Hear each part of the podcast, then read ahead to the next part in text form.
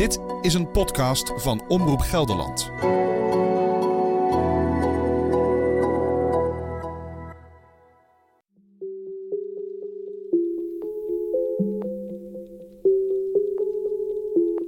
Goedendag, dit is de voicemail van 06. Jenda, Jen, het rapport is er, het rapport van de politie. Ehm, ik ga het nu lezen ehm, en ik bel je snel terug. Doei! Het is weken na Roberts dood. Ellen en ik zijn nog steeds aan het rondbellen. We bellen instanties en deskundigen op zoek naar antwoorden.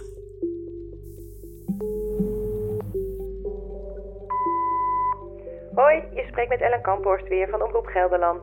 Ehm, ik vroeg me nog af over dat toezicht. van- Maar die antwoorden blijven uit. Ja, hallo, met Jenne Terpstra van Omroep Gelderland.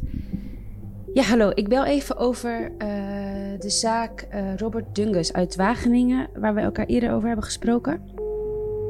Ja, daar ben ik weer. Ik, ehm, ja, we hebben elkaar vorige week ge- gesproken. Ik heb ook even gemaild. Onze vragen stapelen zich op. En intussen is het maart 2020. We gaan in de eerste coronalockdown. Er zitten nog maar een paar mensen op de nieuwsredactie van Omroep Gelderland. Ook wij verhuizen naar onze keukentafel. Met ons whiteboard en al onze vragen. We overleggen verder via Zoom, Teams en telefoon. Wat mij nou het meeste dwars zit, hè? Die, die berichten op Facebook. Robert, die was op de een of andere manier in de veronderstelling dat hij vermoord zou worden. Hij schreef bel 112, bel de politie. Maar als hij dat gevoel had, zou het dan kunnen, zou het dan echt kunnen dat hij zelf zijn kamer uit is gekomen? Dat is raar. Dat vraag ik me ook het meest af. En wat ik me dus ook afvraag, als hij dan zijn kamer uitgekomen is en hij was inderdaad gevaarlijk op dat moment, waarom kwam die politie niet? Ja, als ik die buurman moet geloven, hebben zij in ieder geval een half uur op de politie gewacht. Dat is toch absurd? Als je 112 belt, dan verwacht je toch binnen no time sirenes. Wat is daar gebeurd? Je luistert naar De Dood van Robert. Een podcast van Ellen Kamphorst en van mij, Jende Terpstra. Dit is aflevering 3, De Meldkamer.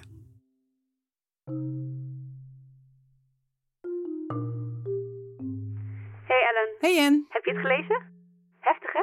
er zijn wel echt dingen fout gegaan, hè? Ja, ik vind het best verbazend hoe eh, eerlijk en open de politie is.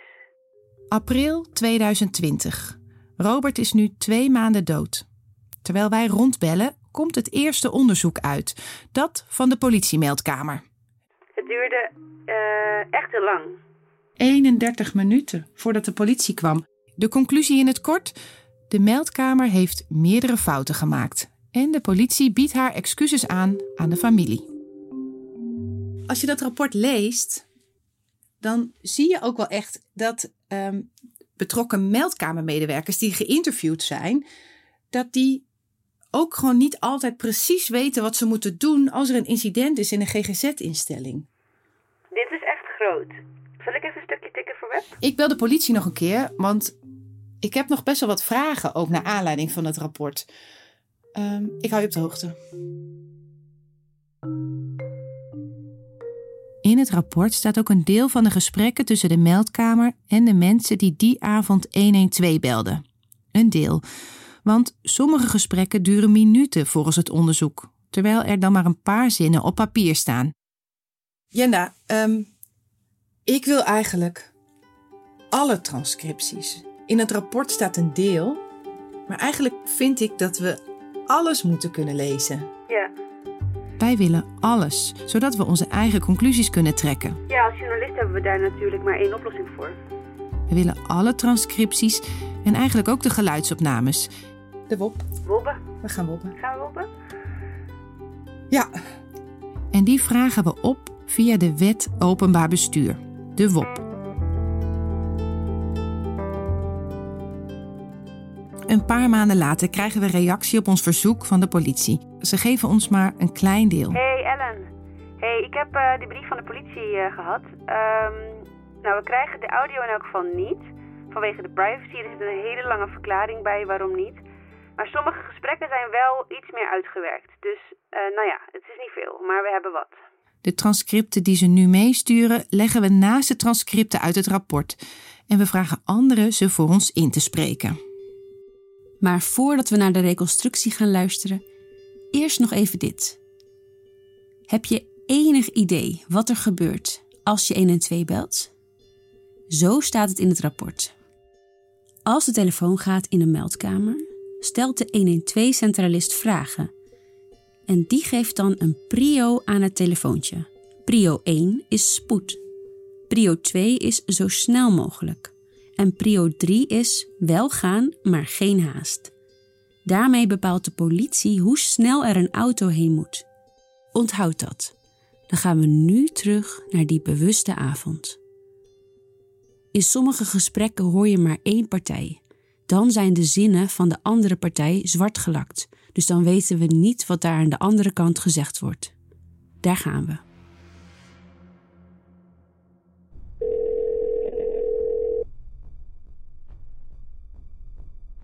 Het is woensdagavond 19 februari, 3 over 8 als de eerste melding binnenkomt. Politie 112, wat is de locatie van uw noodgeval? We hebben een cliënt die heel erg in de war is en agressief is. De dreigende situatie is dat de patiënt extreem agressief is en dat ik dat niet onder controle krijg. Voor mijn veiligheid en de veiligheid van mijn collega's en medecliënten moet ik wat doen. Extreem gevaarlijk zou ik het wel noemen. Oké, want ik wil wel mijn collega's, uh, als ze komen, dan wil ik ze wel de juiste informatie kunnen verstrekken. Ook vooral omdat u aangeeft dat hij gevaarlijk is. Dan vind ik het voor de veiligheid van mijn collega's belangrijk om te weten of hij wapens of spullen heeft. Of dat hij mijn collega's te lijf zou gaan of zoiets. De centralist vraagt of de kamer op slot kan. Nee, zegt de begeleider. Robert is nog op zijn kamer. Hij verbouwt de boel daar. Maar hij is op dat moment geen gevaar voor andere mensen. Bovendien zegt de centraliste: Jullie zijn de zorginstelling dat hij is, daar kunnen wij niks aan doen. Daar bent u voor. Ja, maar wij moesten bellen van pro persona op het moment dat er een dreigende situatie is. Ik ga zeker overleggen. Ik maak de melding wel aan, maar ik ga eerst even overleggen in hoeverre dit prioriteit is. Ik ga in ieder geval even een auto naar u toe sturen, maar ik moet even kijken wat de prioriteit hierin is. Robert is inderdaad vanmiddag nog gecheckt door een psychiater van crisisdienst Pro Persona. Hij zou inderdaad naar een crisisplek moeten, maar hij gaat daar pas morgen heen, is vandaag besloten. Bel de politie maar als het misgaat, is blijkbaar geadviseerd. In dit gesprek zegt de zorgmedewerker ook dat er afspraken zijn op de locatie. Er is een speciale AOL aangemaakt. Afspraak op locatie. Speciaal voor Robert, omdat hij de laatste dagen zo verward is. Deze cliënt komt bij ons voor en kan onberekenbaar zijn. Graag bij melding twee voertuigen sturen. De centralist zegt later dat ze de AOL wel heeft gezien, maar het lijkt erop dat hij geen rol heeft gespeeld bij de beslissing die ze op dat moment maakt. Tijd verstrijkt. Wat er op dit moment bij de RIBW gebeurt, weten we niet. Maar in de meldkamer zet de centraliste de melding na het ophangen van prio 2 naar prio 5. Dat is de we wachten het even afcode. De reden Robert is nog op zijn kamer en niet agressief naar anderen. Wat de collega's met wie ze dit overlegt niet weten, is dat er een AOL is en dat er is beloofd om een wagen te sturen. Dan belt ook een buurtbewoonster. Ze kan blijkbaar het geschreeuw uit de RIBW horen. We gaan wel even kijken wat er precies aan de hand is, mevrouw. Na dit telefoontje wordt prioriteit 3 aan de melding gegeven. De centralist-regie stuurt geen auto aan. Kort na de tweede melding worden alle auto's naar een heterdaad inbraak gestuurd. De mensen die daarna nog bellen krijgen te horen dat er geen voertuigen beschikbaar zijn. Om 20 uur 27 belt de RIBW-medewerker voor de tweede keer. Dit keer neemt een andere centralist melding aan. Het wordt een verwarrend gesprek. Politie 112, wat is de locatie van uw noodgeval? Ik heb net een melding gemaakt. Ik zou teruggebeld worden. En als het goed is, is er een auto onderweg. Maar ik wil weten hoe lang het nog duurt. Ik zie geen melding op het scherm. Waar gaat het over? Ik heb tien minuten geleden gebeld. Ik zou teruggebeld worden. Ik zou willen weten hoe het staat. Maar waar gaat het over? Dan kan ik u helpen. Dit gaat een tijdje zo door. Als de centralist snapt waar het over gaat, zegt hij: We hebben nu eerst een andere prio 1. Hij heeft het over de inbraak. Heeft u enig idee qua tijd? Nee, ze zitten helemaal aan de andere kant. Eh, zodra een auto vrij is, zullen we bij u langskomen. Ze hangen op. Twee minuten later Politie 112, wat is de locatie van uw noodgeval? Oké, u heeft net ook gebeld als het goed is. Oké, maar die melding heeft u al gedaan. Zodra de auto vrij is, dan gaan we er naartoe. Vijf minuten later is het mis. De 112-centralist hoort twee stemmen op een openstaande lijn. Waarschijnlijk van de twee begeleiders die die avond werken. Ambulance, Ik heb nu de politie nodig. alstublieft. Ik heb nu de politie nodig. Komen ze? Als het goed is, komen ze. Ik hoor niks meer. Ik weet niks meer. Het is 20 uur 36. Een half uur en drie minuten nadat de zorgmedewerker voor de eerste keer 112 belde. Hulp is er nog steeds niet. Wat is daar aan de hand? Ja? Daar hebben we al een melding van binnen. Dus we zijn er al mee bezig. Ja, alleen dat duurt nogal lang. Maar we hebben het heel erg druk, dus we kunnen geen auto... Jongen, jongen, jongen. Ik kan niet toveren, helaas. Een minuut later, 20 uur 37. Politie 112, we zijn al onderweg hoor. Niet snel genoeg. Ik heb al gezegd, we zijn ermee bezig. Maar we kunnen niet heksen. Ik ga nu de verbinding verbreken. Wij weten van vijf telefoontjes naar 112 die avond. Bij het laatste telefoontje vanuit de RBW dringt door dat het echt levensbedreigend is. Dan krijgt de melding Prio 1. Ergens in die minuten maakt buurman Jacob Taal die vreselijke opname. Nou, leer het dan maar, want dan zit ik ben dan zei ik alles. Dit je niet op straat. Ik word gewoon weggegaan. Niet lang daarna overlijdt Robert. Wat gaat er nou mis die avond? In het politierapport staat later dat de prio's niet goed gingen. Er was een afspraak op locatie, de buren konden geschreeuw horen. Het zijn allemaal indicaties dat er een wagen heen had gemoeten. Het duurde inderdaad veel te lang, geeft de politie later toe. Maar het meest opvallend, het is geen toeval dat dit lange wachten juist hier gebeurt. Uit het rapport blijkt dat er veel onduidelijk is bij de politie over hoe te handelen bij incidenten in GGZ-instellingen. Ook is er irritatie rond het aantal meldingen. Een van de medewerkers verklaart: Als meldkamer krijgen we vaker van deze meldingen en het is dan altijd de vraag wat de politie moet doen. Of we überhaupt iets kunnen doen of dat de komst van de politie niet voor nog meer escalatie zorgt. Je hebt ook met andere bewoners te maken. Een andere medewerker zegt: Als politie zijn we al een jaar bezig om dit af te stemmen met de zorginstellingen. Voor elke poep en scheet bellen ze soms de politie. Het aantal meldingen van mensen met verward gedrag is de laatste jaren enorm toegenomen, blijkt uit cijfers van de politie. De meldkamer lijkt verwarde mensen moe. Wat zijn nou de afspraken tussen politie en GGZ? Wanneer rukt een politiewagen uit voor een verward persoon? Hoe kijkt de politie terug op dit incident?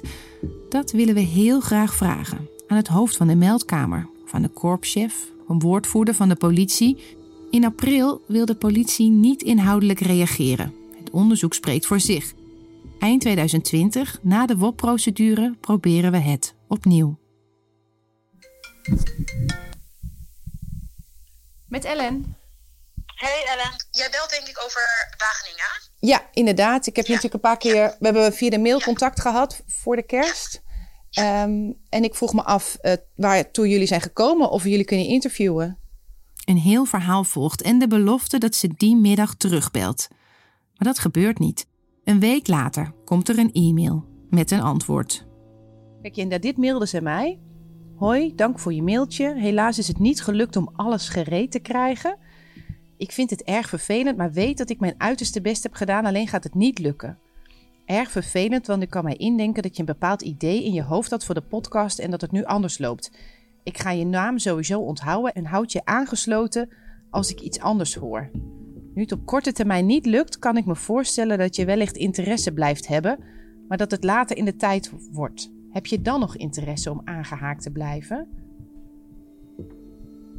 Zo, ja, ik vind het zo gekke mail, want ik heb, het is nu 18 januari.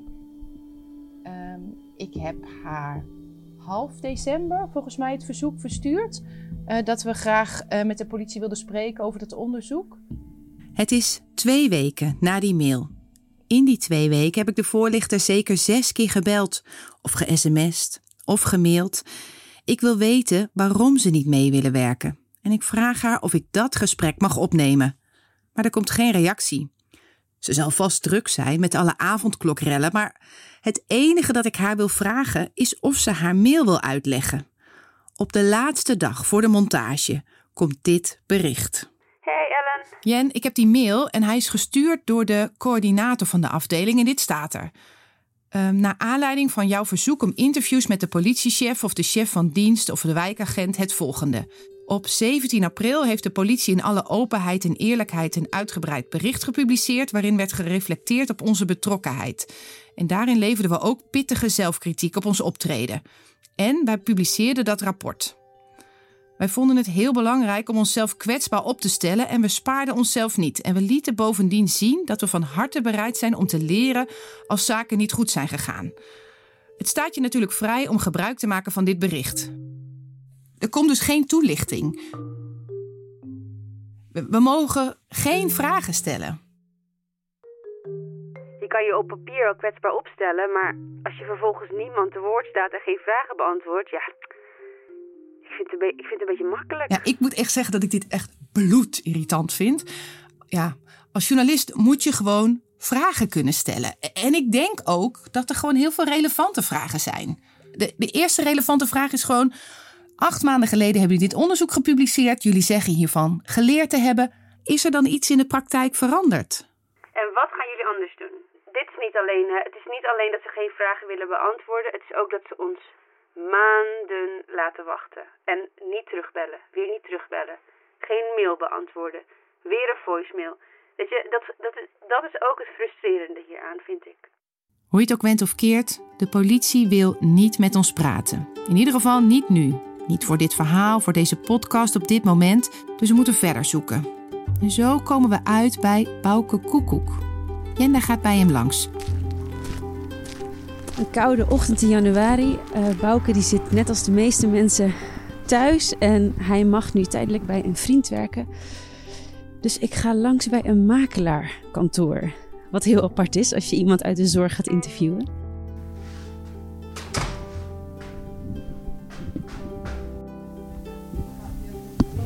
Hi. Wat Bouke doet? Nou, een heleboel. Ik ben eh, sociaal-psychiatrisch verpleegkundige en lector. Ik werk één dag in de week in de Arnhemse crisisdienst van, eh, van de psychische zorg. En vier dagen als lector, twee aan de Hogeschool van Arnhem en Nijmegen en twee aan de politieacademie. Hij werkt één dag in de week bij ProPersona, maar niet in de regio waar Robert werd behandeld. We hebben het hier van tevoren natuurlijk over gehad. Van, eh, kun je als eh, buitenstaander kijken naar een situatie waarin je eigen organisatie betrokken is?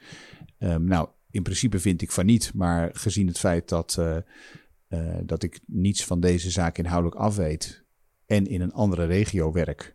en ook maar een klein gedeelte van mijn werktijd voor ProPersona werk. Maar daarnaast vooral als lector ook het heel belangrijk vind dat er meer openheid is over dit soort ingewikkelde kwesties. Hebben we besloten om dat toch te doen. Hij weet dus niets inhoudelijks over Robert, maar hij kent wel alle instellingen die wij nu steeds bellen. Wat wij graag willen weten, wanneer haal je als zorgmedewerker de politie erbij? En wanneer los je het zelf op? Eigenlijk is het voor hulpverleners relatief simpel bij, eh, bij gevaarssituaties in de instelling die je niet zelf aan kan met je eigen personeel of met beveiliging, bel je de politie. In principe zijn de afspraken helder. Helaas moet ik zeggen, want ik heb een heel stel van die meldingen bij politie geanalyseerd, zie ik ook dat er eh, regelmatig door een zorginstelling gebeld wordt over andere dingen of eh, situaties waarvan je denkt: goh, hoe, gevaarlijk is dit nu precies? Maar bij gevaarssituaties blijft het ontzettend belangrijk uh, dat hulpverleners ook politie kunnen bellen en dat politie dan hopelijk ook komt. De praktijk is zoals altijd weer barstig. Zorgmedewerkers bellen soms te snel de politie. En de politie heeft soms moeite om de situaties goed in te schatten. Maar wat we niet moeten vergeten, zegt hij, is dat alleen de zaken waar het misgaat in de media komen. Deze keer is het vreselijk misgegaan in de meldkamer. Met het inschatten van de telefoontjes uit de zorginstelling. Hoe kan je nou zorgen dat dit niet nog eens gebeurt? Bouke is voorstander van een GGZ-medewerker in de meldkamer, die door een centralist geraadpleegd kan worden. In Arnhem gebeurt dit al. Maar die medewerker is eigenlijk een soort schakelpunt tussen die, um, ja, tussen die verschillende hulpverleners. Die vaak toch wel een beetje zo zitten van ja, ja hoe moet ik dit nu inschatten? Hoe ernstig is dit? Moet ik daar nou gelijk een, een, een politiewagen heen sturen met twee agenten? Of, of kan het ook anders?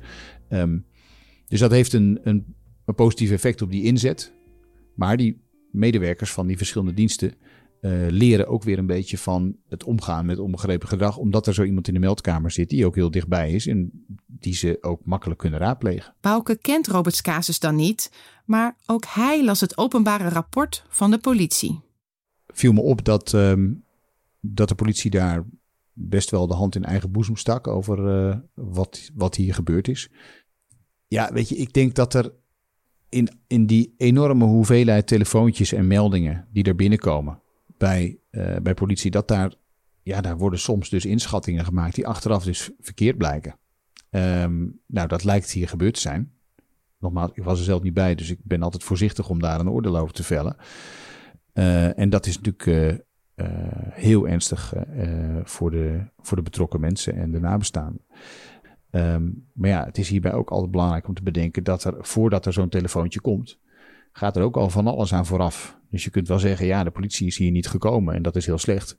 Um, maar ja, je kan ook denken, wat, wat is er allemaal al aan vooraf gegaan wat misschien anders had gekund? Of, uh, dus ja, het is een soort escalatiepunt waar het dan uiteindelijk misgaat. En dan is het, vind ik het altijd wel heel makkelijk om te zeggen, nou, dat is de schuldige.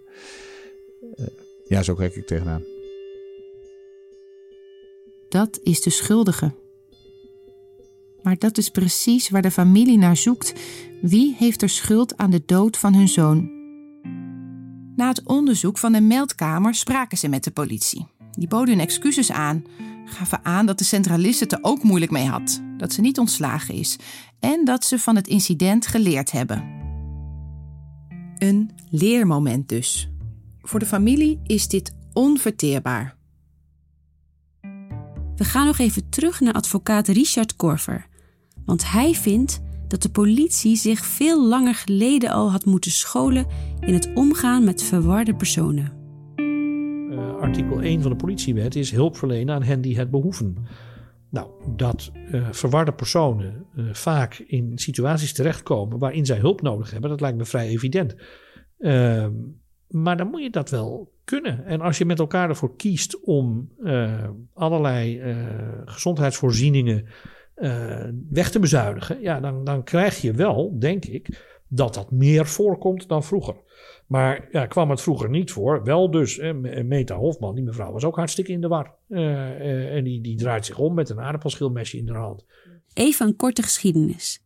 Meta Hofman was een vrouw die in 1981 een agent te lijf ging met een aardappelschilmesje. Ze was erg verward. Na een waarschuwingsschot werd ze van dichtbij neergeschoten. De agent werd later vrijgesproken. Toen al zei de Hoge Raad, ja, die, die agenten zijn niet goed opgeleid. En het ging toen specifiek om het vuurwapengebruik. Ik heb in 2016 een zaak gedaan van een verwarde meneer die wordt uh, aangehouden door de politie en die komt bij die aanhouding te overlijden. Uh, daar heb ik die artikel 12 procedure uh, gedaan. En daar zegt het Hof in 2016: ja, deze agenten hadden dat zo niet moeten doen. Dat is fout. Ze zijn ook het huis ingegaan van die man. Hadden ze ook niet mogen doen. Ja, dat is strafbaar. Maar deze agenten gaan niet van huis met het idee: ik ga iemand doodmaken. En, daar komt hij Deze agenten zijn hier niet voor opgeleid. En dus gaan we niet vervolgen. Kijk, dan wordt het wel eng. Want dan wordt het een soort excuusmaatschappij. Uh, en als u nou vraagt, dan kom ik helemaal terug op uw vraag: waar ben je nou het meest bang voor? Dat is dat. Is dat iedereen zegt: ja, dit, ja wat erg en oh wat naar. En dit had anders gemoeten. Uh, en we, maken er een mooi rapport over. Dat gaan we vooral niet geven aan de familie. Uh, en iedereen slaapt rustig verder. En dan hopen we maar dat het niet heel snel weer in dezelfde instelling gebeurt, maar in een andere provincie. In de hoop dat het dan een beetje overwaait. Want dat is wel een beetje de reflex die, die je kunt ontwaren bij dit soort incidenten. Hopen dat het overwaait. Zou het echt? De volgende aflevering gaat over de zorg. Zullen we dan eindelijk weten waarom Robert nog niet was overgeplaatst? En hoe is hij nou gestorven?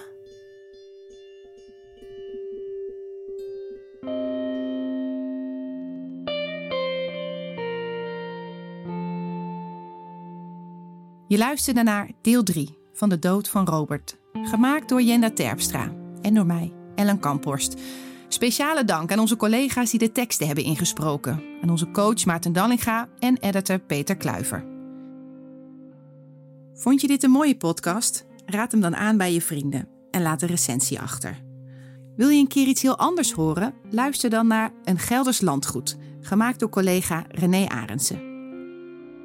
En wil je ons wat laten weten? Graag. Dat kan op robert.gld.nl.